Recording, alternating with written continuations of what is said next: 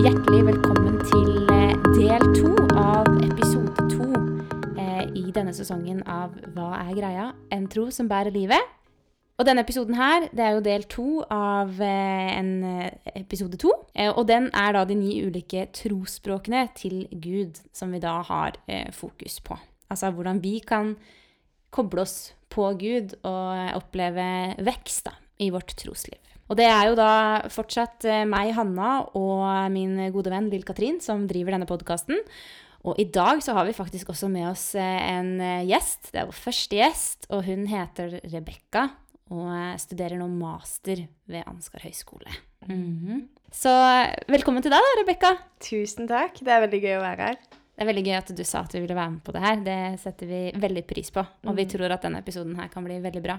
Det blir spennende. Ja, Mm. Vi har nemlig tjuvstarta litt med å snakke litt, eh, eller snakka litt med Rebekka om eh, hennes tanker rundt dette temaet. Så vi vet at hun har veldig mye bra på hjertet om dette temaet her. Men eh, jeg og Lill-Katrin har jo en fast greie på denne podkasten her, Rebekka, og det er jo at vi alltid starter med en fun fact om En oss selv. Fun fact, ja. Ja, Så i dag tenker jeg at du kan få lov til å starte og fortelle en fun fact om deg selv til lytterne. Ok. En fun fact om meg selv er at uh, jeg bor i et kollektiv hvor vi faktisk har en vanntett bibel i dusjen.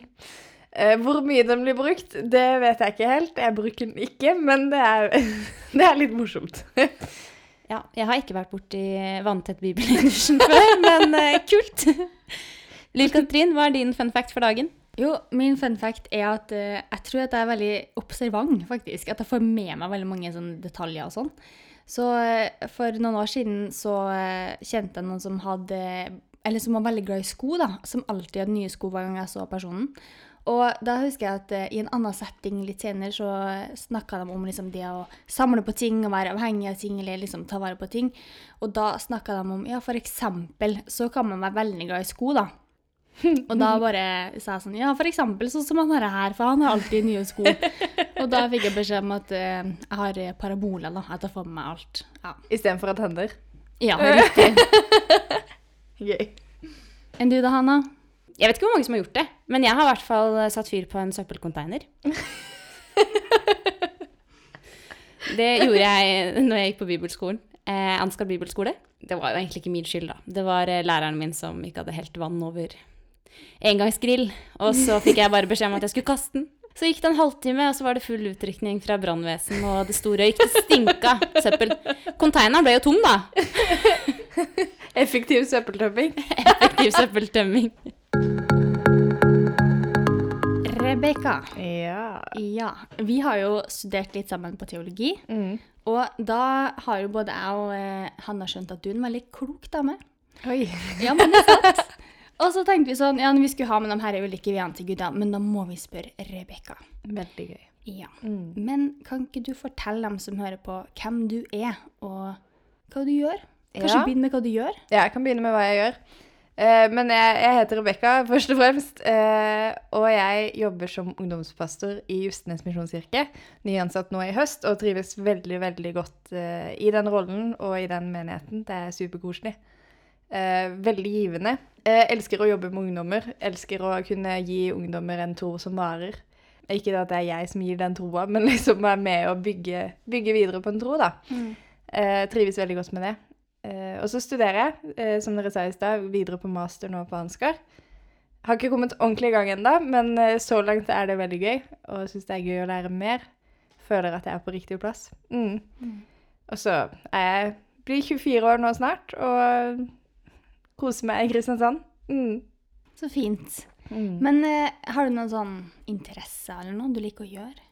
Jeg er veldig glad i å være ute i naturen. Eh, gå tur, elske bål og bållukt. Det er liksom det beste. Eh, og så er jeg glad i å strikke. Jeg er glad i å kjøre tur og være på hytta og være med venner og kjæresten og sånne ting. Mm. Mm. Har du egen strikke-Instagram du også? Den måtte komme. Ja. ja. Har muligens kanskje det, ja. Så du vil liksom ikke annonsere den her? Nei, nei, hvis du er god til å stalke, så finner du den. Mm. Hvis dine ja, for eksempel si kjæresten din da, og en venn skulle ha beskrevet deg med tre ord. Oi. Hva hadde de da beskrevet deg mm, som?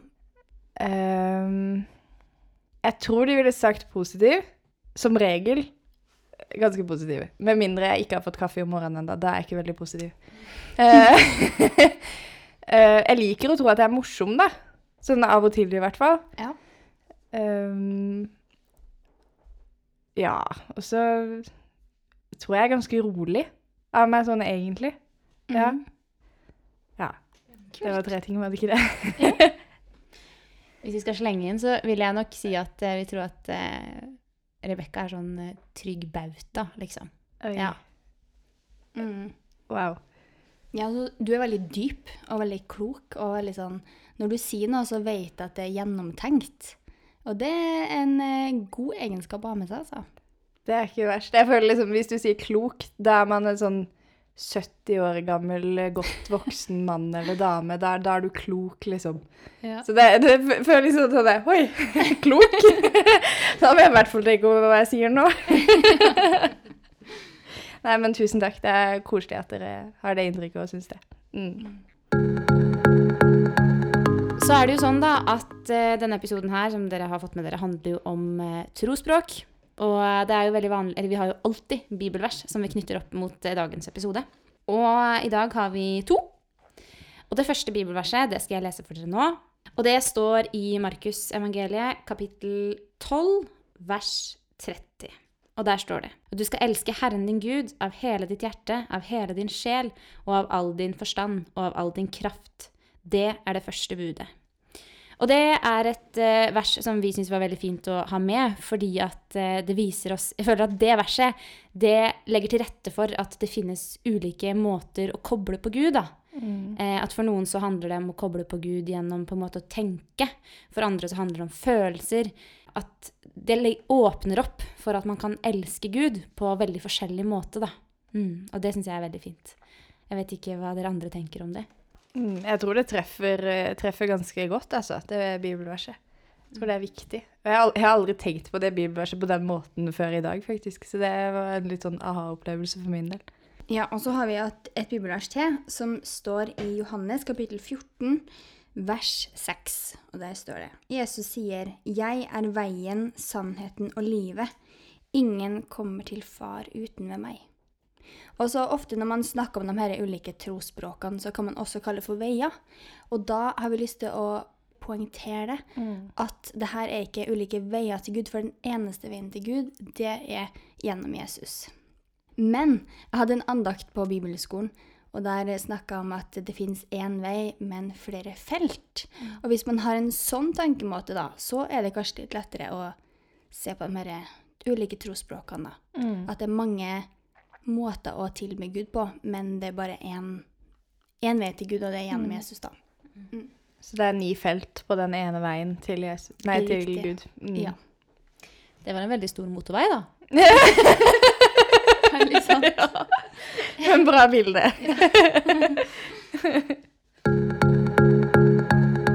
Og nå skal vi jo ha en samtale rundt eh, disse eh, måtene å elske Gud på. Mm. Og da tenker vi at eh, Vi har jo lagd en episode som eh, forhåpentligvis en del av dere har hørt, altså del én, hvor vi snakker litt mer fritt om, eller forteller litt mer om disse veiene til Gud. Eh, men vi skal nevne dem her, sånn at du har dem litt friskt i minnet. Så hvis du eh, har lyst til å bare starte å nevne noen av veiene, Rebekka. Ja. eh, Den ene veien er naturalist. At du elsker Gud gjennom naturen. At du liker å være ute og liksom Når du ser de store fjellene og ser skogen, ikke sant, så er det sånn wow, Guds skaperverk. Og føle deg nær til Gud da. Eh, og så er det sansene. At du elsker Gud med sansene dine. Det du smaker, det du hører, det du føler, ikke sant. Også tradisjon, eh, tradisjonalist. Og da er det sånn at du er glad i faste rammer, du er glad i ritualer, symboler, ikke sant. Og tilbe Gud gjennom det. Mm. Og så er det asketen. Og asketen elsker Gud gjennom, gjennom stillhet og gjennom enkelhet. Like gjerne ha litt sånn ro rundt seg, drar gjerne på retreat og sånne type ting.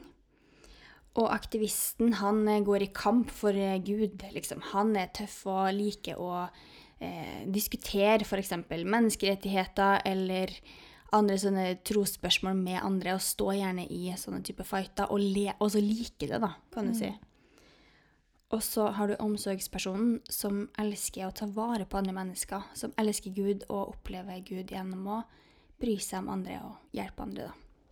Og de tre siste som er listet opp her, er jo da eh, entusiast. Og da er det liksom 'la meg feire'. Altså jeg vil feire Gud. Det kan f.eks. ofte da være eh, typ gjennom lovsang at den her, du ønsker å oppleve og feire Gud. Og så har du kontemplativ, og da er det eh, 'la meg føle'. Tilbedelse, egentlig. Ja, eh, kontemplativ, der er det å beundre Gud og eh, være i stilletid alene med Gud. Da. Det er veldig viktig.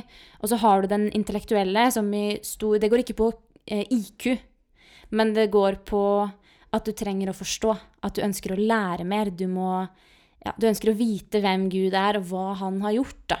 Og du tilnærmer deg altså F.eks. å lese Bibel er en veldig stor måte å koble til Gud for en som er intellektuell. Så nå har dere disse her ulike måtene å elske Gud litt eh, i minne. Eh, når vi nå da skal gå inn i samtaledelen rundt disse her, da. Så Rebekka, Ja. det finnes jo ulike veier til Gud. Og hva tenker du om det? Jeg tenker at Gud har skapt oss forskjellig.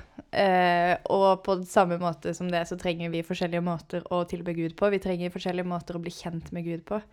Eh, vi har forskjellig personlighet, alle sammen. Noen er introvert, noen er ekstrovert. ikke sant? Eh, noen er veldig sosiale, noen er ikke like sosiale. Eh, og ting henger sammen, ikke sant? Vi er fortsatt like mye skapt av Gud, og vi er fortsatt like mye verdt. Og vi har fortsatt en relasjon til Gud som vi kan være med og liksom pleie, da. Eh, men hvordan gjør vi det? Jeg tror det er derfor vi har forskjellige veier, fordi vi er forskjellige mennesker. Mm. Kult. Ja, og jeg tenker jo det du sier nå er jo veldig fint, da. At vi er forskjellige. Mm. Og så lurer jeg på Kan du huske liksom første gang du lærte at det var ulike veier til Gud? For det er jo en grunn til at vi tar det opp. Det er jo fordi vi tenker at dette er et veldig viktig tema å snakke Mm. om. Sånn at man kan eh, finne seg til rette i sin tro og lære at vi har forskjellige trosuttrykk. Og det at man foretrekker noe framfor noe annet, betyr ikke at man er feil. da. Kan du liksom huske når det var du første gang hørte om disse ulike veiene? Jeg tror første gang jeg hørte om det, var på bibelskolen. Og da var jeg 19-20 år. Og jeg tenker at det er litt for seint, egentlig. Eller ikke for seint, for det er jo fint å høre om det da òg, men jeg tror det er viktig at man hører om det tidligere. Jeg tror det er viktig at man eh, får undervisning om det og skjønner hva det er for noe, for det er så fort at man føler at å nei, jeg liker ikke det, da er det noe feil med meg, eller liksom er jeg rar som bare liker det, eller bare føler meg nær med Gud når jeg gjør sånn. Så jeg tror det er viktig at man liksom På samme måte at vi lærer at folk er forskjellige, så lærer vi at det er forskjellige måter å være med Gud på. Mm. Noe som jeg la veldig merke til når jeg fant ut om herre, eller lærte om de her trosspråkene, det var at jeg var mer intellektuell enn det jeg trodde. Og med det så forsto jeg hvorfor at jeg ikke alltid fikk så mye ut av ting i menigheten min hjemme før, fordi at da var det et helt annet fokus, ikke sant? Har du opplevd at plassen din i fellesskapet ikke har matcha helt Eller det kristne fellesskapet ikke har matcha ditt trosspråk, da? Ja, Øh, på en måte, men kanskje ikke det trosspråket jeg har nå. Men jeg, jeg er oppvokst i en familie hvor det har vært mye fokus rundt det med tro og Bibel. Eh, så jeg følte fra en ganske ung alder at jeg fikk ikke noe ut av gudstjenestene fordi at det var for lite Jeg følte det var for lite innhold, for lite nytt. Jeg hadde allerede lært det hjemme, ikke sant. Jeg hadde lyst til å lære mer. Eh, så kanskje den intellektuelle biten, at jeg følte at jeg kunne mer enn det kjerka hadde å by på. Uh, og det er kanskje rart, når, med tanke på at jeg var 7, 8, 9, 10 år gammel, ikke sant. Men uh, mamma og pappa var veldig flinke på det, og snakka veldig mye om det. Så det har jeg tatt med meg. Så der, der kjente jeg kanskje det at jeg ble ikke møtt på akkurat det. Selv om det kanskje ikke er det språket jeg har nå, eller det Ja, den måten jeg uttrykker meg på nå. Nei, for det sier du noe viktig. At uh, man kan jo kanskje utvikle trosspråk også. Ja, jeg tror man ikke Eller mm, det er jo individuelt, selvfølgelig. Men jeg tror det er normalt å ha forskjellige språk i løpet av livet. Uh, Jeg vet at jeg likte veldig godt å lære masse om Jesus da jeg var liten. Eh, Men samtidig har jeg alltid vært et bønnemenneske. Jeg har alltid snakka med Jesus helt siden jeg var bitte liten. Så har det vært liksom Jesus har vært min beste venn. eh, Og det å prate med Jesus har vært eh, en helt naturlig del av hverdagen min. Det å være aleine med Jesus, det å ja, masse tid i bønn, og da Bibel også samtidig. Det har vært like viktig som å puste, egentlig. Det har bare vært en del av meg. Så da er jeg jo på en måte mer kontemplativ enn intellektuell, men jeg merker jo at den er ganske tett på den òg. Mm. Ja, for vil du si at kontemplativ din vei til Gud? Ja, det vil jeg si. Den der grublende, grublende måten å tenke på. Eller liksom Om jeg lærer noe, så er jeg sånn OK, men hva mener du egentlig med det? Jeg går og grunner veldig mye på det jeg leser av, som står i Bibelen. At uh, teksten går liksom med meg hele dagen. Og så går jeg og grunner på det, og så Oi, der var det noe, ikke sant? Så jeg tror, jeg tror det, altså. Mm. Men det leder oss inn på enda et spørsmål, fordi hvordan ser det ut da, å være kontemplativ i eh, sitt trosspråk? Fordi eh, nå har jo vi sittet og forberedt oss til denne episoden her, og vi har jo tenkt at dette er en veldig viktig episode nettopp fordi det er ikke en episode vi lager for at folk skal settes i bås, eh, men for å ja, hjelpe folk til å på en måte bryte litt fri, da. Mm. Fra disse her tankene om at man må elske lovsang, eller man må elske å sitte en time og lese Bibel, eller Mm. sitte i stillhet. At det på en måte er mer til en hjelp enn det skal være på en måte at nå fanges du inn i noe. Mm. Men så lurer jeg på hvordan kan det da se ut da, når man er kontemplativ? For det vil også antagelig se veldig forskjellig ut fra Mm. person til person. At Det tror jeg eh, absolutt. man deler kanskje et trosspråk med veldig mange andre, men samtidig så er det individuelle forskjeller, da. Mm, absolutt. Og jeg tror Altså, jeg måtte eh, google kontemplativ, for det er et sånt der ord som bare OK, men hva betyr det egentlig? Men det betyr grublende, det betyr innadvendt, tenkende, at du er i en tankeprosess. At du er liksom Det er veldig tenkende. Så jeg vil kanskje se for meg at den typiske overtenkeren er fort i sånn der kontemplativ eh, plass der en plass. Men for min del så ser det veldig ut som Eller det er mye bønn. Og jeg sa, sa jo litt til dere i stad at jeg er ikke noe glad i å liksom kalle det for bønn eh, nødvendigvis, fordi at for min del så er det en samtale med Jesus. Og det er noe som går gjennom hele dagen. det kan være alt fra små sukk til, eh, til gledesrop, ikke sant. Det kan være alt mulig. Eh, og for min del det å enten Hvis jeg klarer å sette av tid til en liten stund på morgenen hvor jeg leser litt og ber litt, så er det kjempefint. Men det er ikke sånn at jeg sitter i Det er sjelden jeg sitter mer enn fem minutter og ber, altså. For det, det funker ikke for min del. Jeg blir rastløs, og så plutselig så er jeg inne på hva jeg skal ha til middag, og så forsvinner liksom forsvinner bønnen i det. Men for min del så ser det litt mer ut som at eh, hvis jeg er ute og kjører og møter en ambulanse, så er det sånn Å, Jesus, vær med de. Og det, det, går, det er like naturlig som å puste for meg, liksom. Det skjer av seg sjøl. Eller hvis jeg er på, på jobb, og jeg kommer i en situasjon så OK, Jesus, nå må du være med. Det, er liksom Det er en konstant bønn eller konstant samtale med Jesus som bare er der. Og sånn ser det ut for min del. Uh, og det er noe jeg elsker, enten om jeg Det er jo ofte, ofte i bilen det skjer, egentlig, for det er liksom litt sånn min friplass. Uh, altså enten om jeg har lovsang på anlegget, eller om jeg bare sitter i stillhet, eller om jeg snakker med Jesus, eller hva som skjer. Kanskje jeg til og med kjefter på Jesus. Det er jeg veldig glad i av og til. Hvis jeg er skikkelig Hvis jeg er frustrert av noe, så kan jeg bli så sinna. Og da kan jeg sitte i bilen og liksom skrike det ut til Gud, for jeg må bare få det ut. Men det er en sånn derre Det er en relasjon som føles mye nærmere enn en sånn derre bønne... Ja, jeg vet ikke. Jeg føler det blir så fremmed å be. Så jeg liker å kalle det for snakking med Jesus. ja. Det er litt sånn det ser ut for meg, i hvert fall. Mm. Jeg syns det er så fint når du sier det, fordi at eh, for meg så blir det en veldig sånn at du tar ned veldig mange barrierer.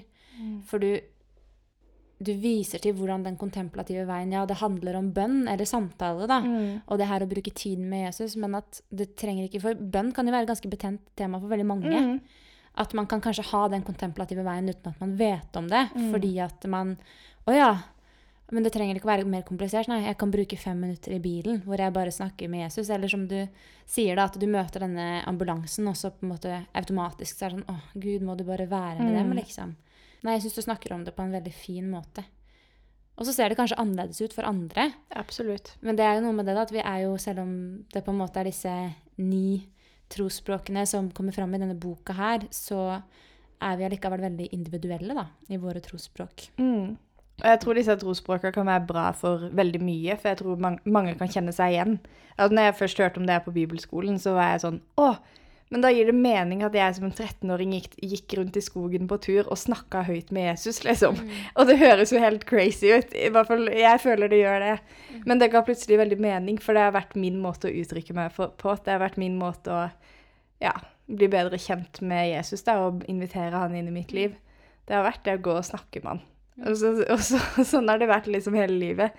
Så det ga veldig mening, og fikk en sånn Å, jeg er ikke bare rar. OK, jeg kan være litt rar av og til, men det er liksom Det er ikke noe gærent med meg. Det er sånn, sånn min relasjon med Jesus er. Og så tror jeg det også er noen som kanskje får høre disse ni veiene, og så tenker de at ingen av disse passer meg.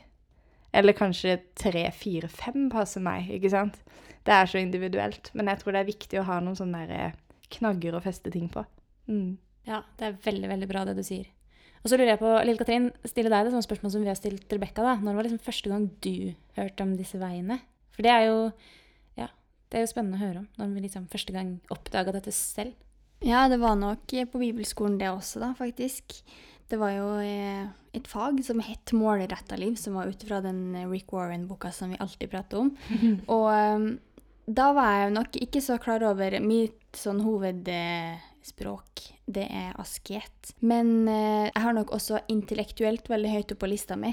Og det å finne ut av at Men jeg er ikke gal som eh, trenger å ha tre teologiske teorier på hvert eneste synspunkt. det, er bare, det er faktisk bare sånn jeg connecter med Gud. Mm. Og det å ha jeg vet ikke, få, få svar på de spørsmålene der, da, på hvorfor jeg er sånn som jeg er, og vite at det er helt OK, det var veldig veldig viktig for min tro. da. Å kjenne at um, min måte å tro på ble på mange måter validert. da. Mm. Enn du da, Hanna?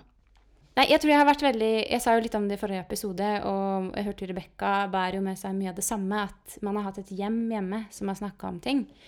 Og jeg tror nok jeg savna veldig i mitt eh, tenåringsliv at eh, noen hadde fortalt meg at det finnes ulike veier til Gud. Og der har jeg heldigvis hatt veldig, veldig, veldig flinke foreldre som ikke nødvendigvis kanskje har kjent til akkurat disse her ulike måtene, disse ulike trosspråkene her, men som har vært veldig flinke med meg og snakka med meg om at ja, men kanskje du ikke er lovsangsmenneske, da. Og det er helt greit. For jeg tror nok jeg var en av de Jeg kjenner at dette temaet her er veldig viktig for meg. Og det tror jeg nok er fordi at jeg var en av de ungdommene som rett og slett ikke fant min plass. Fordi at eh, jeg følte at det var et eller annet med mitt trosuttrykk som var feil. da. Jeg hadde ikke de store følelsene. Jeg Var ikke så liksom Kobla ikke til Gud på den samme måte som de rundt meg når vi sang lovsang. Eh, og det ble en skikkelig sånn sperre. Det ble veldig vanskelig for meg.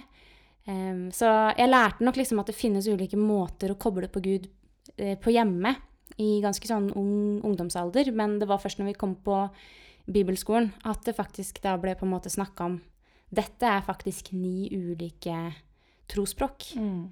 Eh, og fant nok, har nok funnet veldig min i særlig den intellektuelle. da, Altså det å få lov til å eh, bruke hjernen og tenke og lese seg opp på ting. da. Det tror jeg er veldig viktig for meg. At, eh, at jeg får lov til Jeg vokser i tro, eh, bl.a. gjennom teologistudiet. Fordi Mm. at man ser på teorier om ulike ting, da.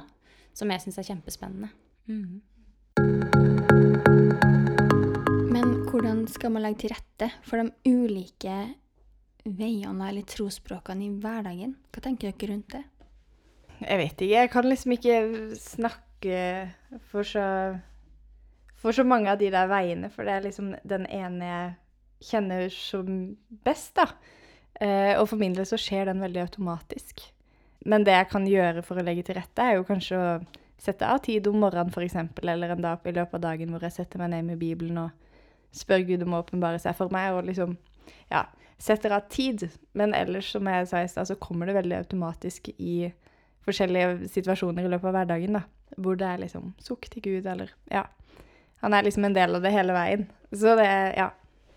For min del er det sånn, og ser det sånn ut i hvert fall. Mm. Ja, og jeg tror også det er noe veldig fint med det måte, Jeg tror et nøkkelord, som du sier, er å på en måte sette av tid. Mm. At det er kanskje mange som hører på som ikke har hørt om trosspråka før. Og som ikke helt vet hvor de skal plassere seg. Og jeg syns det kan være litt vanskelig sjøl. Hva er det man egentlig passer best inn i? Men det er jo det å utforske de litt, da. Og faktisk sette av tid til å utforske de. Altså, liker du å gå i naturen, så eh, Mm. ta deg en tur i naturen. Og liksom sette av en time, da. Og gå i naturen, og nyt naturen på tross av alt annet du skulle gjort. ikke sant? Mm. Og på en måte gi næring da, til din måte å koble på Gud på. Det tror jeg er veldig viktig. Ja. Og liker du å lese i Bibelen, så prioriter å lese et kapittel om dagen, f.eks. Mm. Um, ja. Eller be en bønn i bilen, sånn som du sier, ikke sant? når man har den mer kontemplative. Eller hvis du er en entusiast som elsker lovsang, da selvfølgelig skal du sette på lovsang, eller kanskje du skal engasjere deg og bli med i lovsangsarbeidet i kirka di. Mm. Og så er det en annen ting som jeg også har tenkt veldig på, og det tror jeg er den herre viktigheten av å akseptere at vi er forskjellige. Mm. For vi aksepterer jo at vi er forskjellige på generell basis i, eh, i landet, og i, måte, ja, i de fleste land i verden, så er det jo en aksept for at man er forskjellig. Men, og da jeg, og det syns jeg det er i stor grad i kirka òg, men altså det her å bli bevisst da, på at vi faktisk er forskjellige når det kommer til måten vi kobler til Gud på. Mm. For noen er det kjempegøy å gå på lovsangskonsert. For andre så er det å skulle gå på en lovsangskonsert eh, ikke det i det hele tatt. Fordi at det er ikke den måten man kobler til Gud på. da. Mm. Og det å på en måte snakke om disse trosveiene og være åpen for at jeg møter kanskje noen som ikke har det samme uttrykket som meg, og det må jeg kunne respektere. Mm. Jeg må kunne vise at jeg har nåde for det. da. Det tror jeg også er veldig veldig viktig da, i møte med dette her. Vi er jo veldig på det i menigheten om at vi er lemmer på Kristi kropp, og at vi er forskjellige. Vi har forskjellige oppgaver, vi har forskjellige tjenester i menigheten. Men jeg tenker at det er jo bare Disse språka går jo inn under det. Vi trenger alle språka fordi at vi er forskjellige. Vi er forskjellige lemmer på Kristi kropp. Det, det henger sammen. Vi kan ikke liksom bare godta forskjellige personligheter og forskjellige tjenester, men vi må også omfavne dette her som forskjellige språk og forskjellige måter å være med Gud på, da. Mm. Jeg har tenkt på en ting fordi at uh, jeg kjenner en ungdom som uh, er veldig sånn kamp... Eller har den der aktivistveien. Og jeg husker at jeg ble litt sånn ikke frustrert, men litt oppgitt, faktisk, over at eh, når vi hadde en sånn bibelgruppe, og så satt vi og leste Bibelen, så han kunne ikke brydd seg mindre. Han var så uinteressert. og jeg var sånn der, Åh, Kan du ikke bare fokusere i to sekunder, liksom? Men han er jo den som har hatt dem, altså alle samtalene om tro på skolen, som har stått i så mange diskusjoner og så mange kamper, og virkelig vært et sånn skikkelig forbilde for veldig mange i tro. da. Fordi at han har funnet sin vei til Gud og har funnet ut at ja, men om han leser et bibelvers til dagen, så er det greit. Men hans vei til, til Gud, eller hans måte å, å connecte med Gud på, er gjennom de der diskusjonene som jeg aldri greier å gå inn i. Liksom. Jeg har ikke mot nok til det, men han derimot, han, han får til det.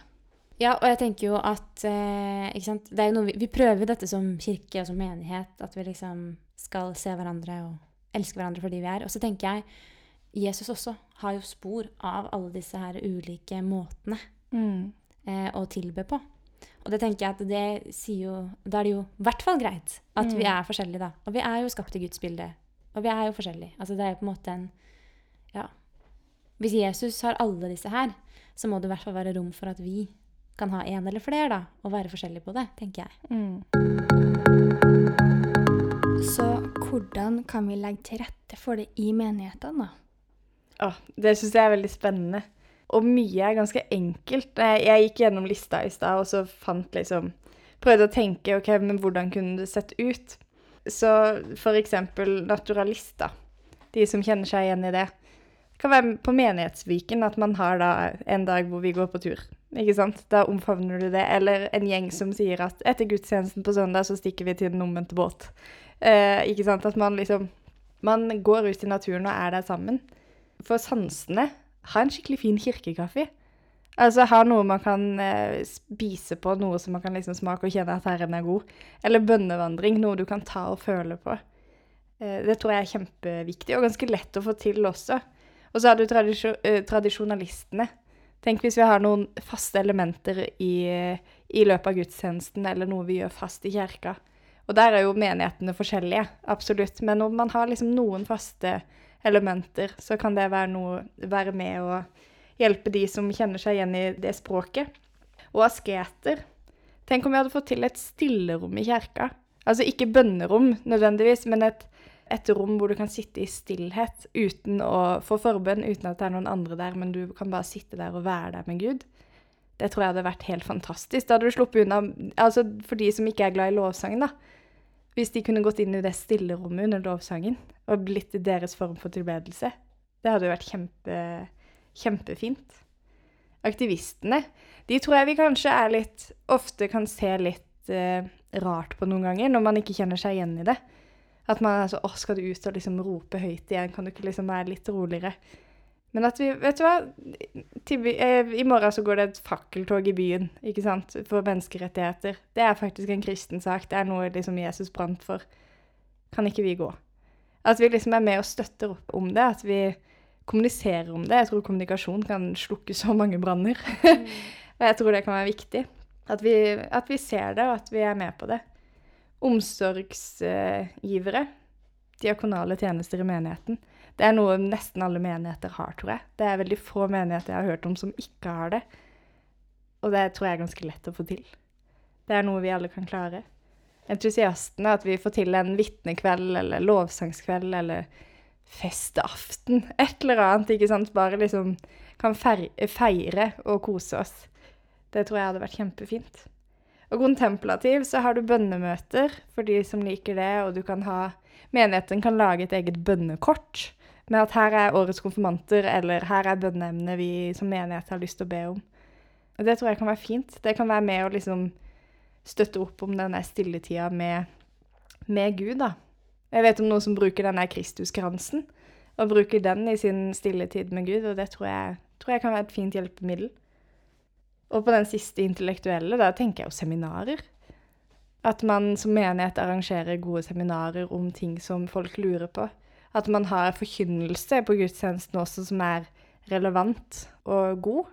Og ikke bare sånn stryke med håret, men tør å være litt brå av og til. På en god måte, selvfølgelig. Men alle de tinga er ting som de aller fleste menigheter kan få til uten å bruke så veldig, veldig mange ressurser. Og det er ganske enkelt og ganske sånn praktisk sett på det. Og da kunne man hatt noe for alle de fem Nei, fem språka, sier jeg nå. Ni språka. Eh, på forskjellige måter under samme gudstjeneste. Nesten, da. Ikke helt, med seminarer og låtsangsfell og alt mulig. Men at du liksom Ja. I løpet av en uke da, så kunne du dekke alle de ni språka. Tror jeg. Mm. Ja, og det er det som er så kult, fordi du tenkte på det på en sånn fin måte. Jeg tenkte mye mer sånn komplisert. Men du er bare sånn Ja, ja, alle kan jo få til dette her. Og du bare Det virka nesten som at du bare har tatt for deg liksom ulike elementer i menigheten, ikke sant? Og mm. satt det inn i veien til Gud, og ikke motsatt. Så det er, det er veldig, ja. veldig kult, altså.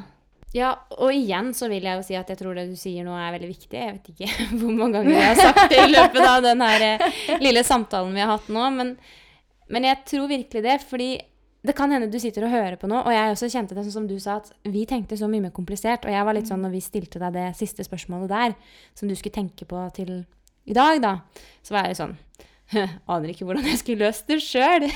Eh, men så tenkte vi liksom Rebekka, hun har liksom ja, hun er smart og glup og liksom Hun kommer sikkert med noen gode ideer, og det gjorde du virkelig.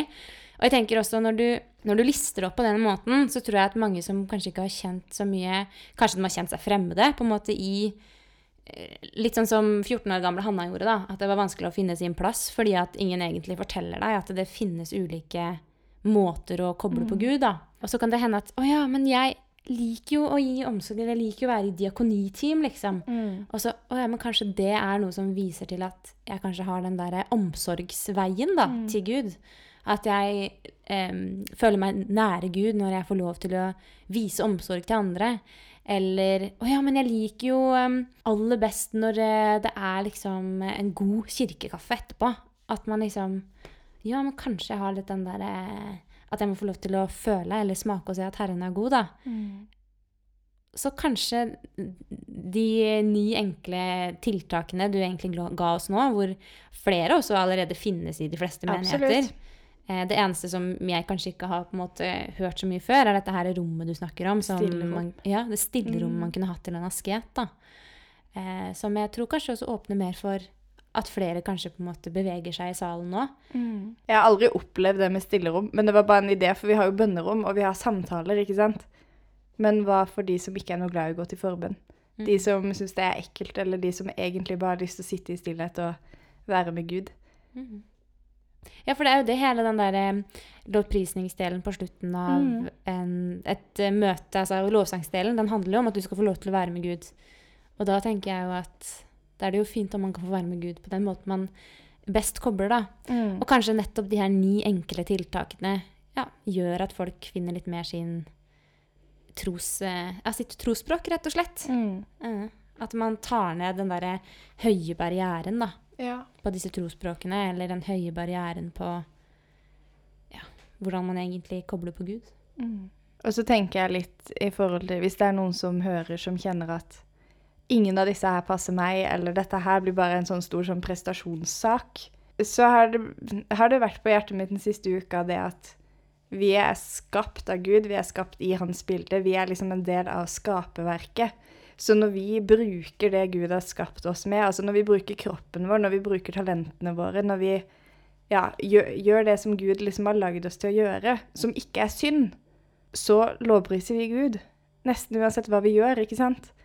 Og det kjente jeg en sånn hvile i, for da forsvant den prestasjonsgreia. for det, det ble OK, jeg kan tømme oppvaskmaskinen, og så priser jeg Gud. Jeg kan gå med søpla, og så priser jeg Gud. jeg kan gå en tur. Eh, jeg kan trene, og så priser jeg Gud, ikke sant? Fordi jeg bruker skaperverket, jeg bruker det som Gud har skapt med en hensikt, det som Gud har liksom skapt i sitt bilde. Og ja, det ble en sånn tankevekker for meg denne uka her. Så jeg håper, hvis du ikke kjenner deg igjen i noen av disse veiene her, at du kan hvile litt i det. Mm. Vil du da si at eh, man på mange måter kan bruke kroppen sin som et tempel? Oh. Ja.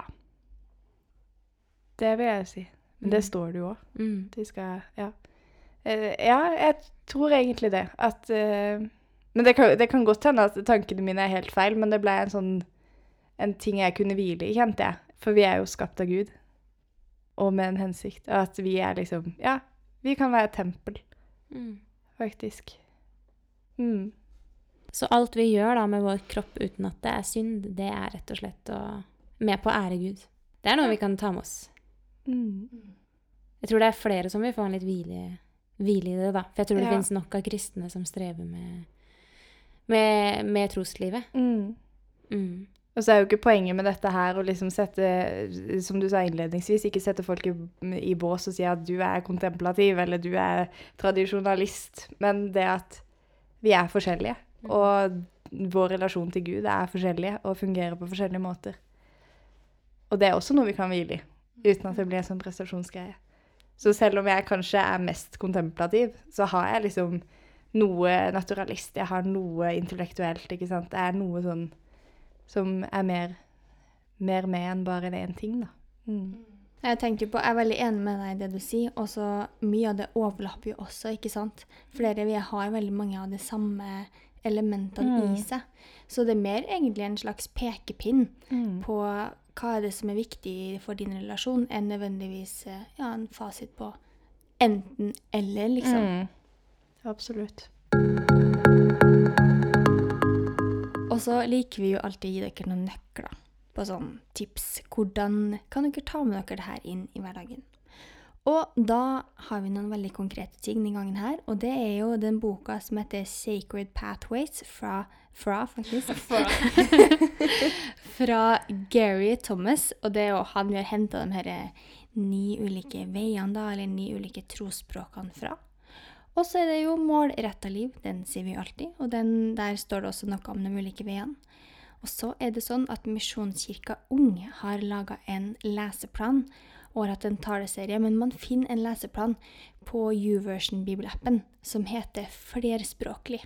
Og der vil det altså være en liten andakt der det står litt om de ulike veiene, og så står det noen bibeltekster ved siden av som passer til teksten. Så sjekk det gjerne ut. Da kan man bli litt bedre kjent med både sitt eget og andres trosspråk. Så hvis vi skal oppsummere dagens episode, så denne todelte episoden vår, da, så har dere altså fått en liten, eh, et lite innblikk i hvordan disse ulike trosspråkene ser ut.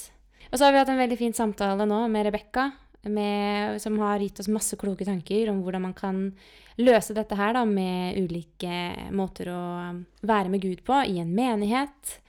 Og vi har snakka litt om ja, viktigheten rundt det, rett og slett. Det aller viktigste for oss er jo at dette ikke skal være noe som setter dere i bås, men kanskje være noe som kan være med på å ja, hjelpe deg til å forstå at du er skapt på en helt unik måte. Du er ikke Altså, jeg er ikke lik verken Lill-Katrin eller Rebekka. Dere har jo hørt nå at vi har, vi har mye av de samme trosspråkene, men allikevel hovedtrosspråket vårt er eh, forskjellig. At du er skapt forskjellig, og at du kan finne en trygghet i det, rett og slett. At du er den du er skapt til å være. Rett og slett, eh, Dette her er rett og slett en episode vi har lagd for at dere bare skal kjenne dere fri da, i deres måte å lovprise Gud på. Og så har vi bare lyst til å si tusen takk for at du hadde lyst til å være med, da, Rebekka. Vi syns det var veldig gøy at du sa ja. Og eh, Tusen takk for at jeg fikk lov til å komme. Ja. Det har vært kjempekoselig. Og veldig, veldig fint å være her. Mm. så bra. Du har jo til og med fått lov til å drikke brus i vinglass med oss i dag. For det er jo Mhm. vår faste rutine. Det er veldig, veldig gøy. det er ikke verst på en mandag. Nei, det er ikke verst på en mandag. Og helt til slutt så har jeg bare lyst til å si at dette er jo litt gøy, for den episoden som vi slipper i dag, den slippes på ettårsdagen til egentlig Hva er greia? Altså det er i dag ett år siden vi slapp første episode i podkasten. Så det er veldig, veldig gøy. Så da er det jo ekstra gøy å kunne feire det da med at vi har fått lov til å ha med oss Rebekka. Gøy. Gratulerer med dagen. Og nå, Lille Katrin, nå skal du få lov til å lyse velsignelsen. For det er jo vår faste tradisjon. Der kommer den derre tradisjonalisten fram i meg, da. Ok, skal vi se. Jeg skal ta den på trøndersk dag. I sist gang tok han på bokmål. Herren velsigne deg og bevare deg. Herren la sitt ansikt lys over deg og være deg nådig. Herren løfte sitt ansikt mot deg og gi deg fred. Amen. Da gjenstår det bare å si tusen takk for at du hørte på oss. Så håper vi at du vil fortsette å høre på oss framover. Ha det bra. Ha det. Ha det!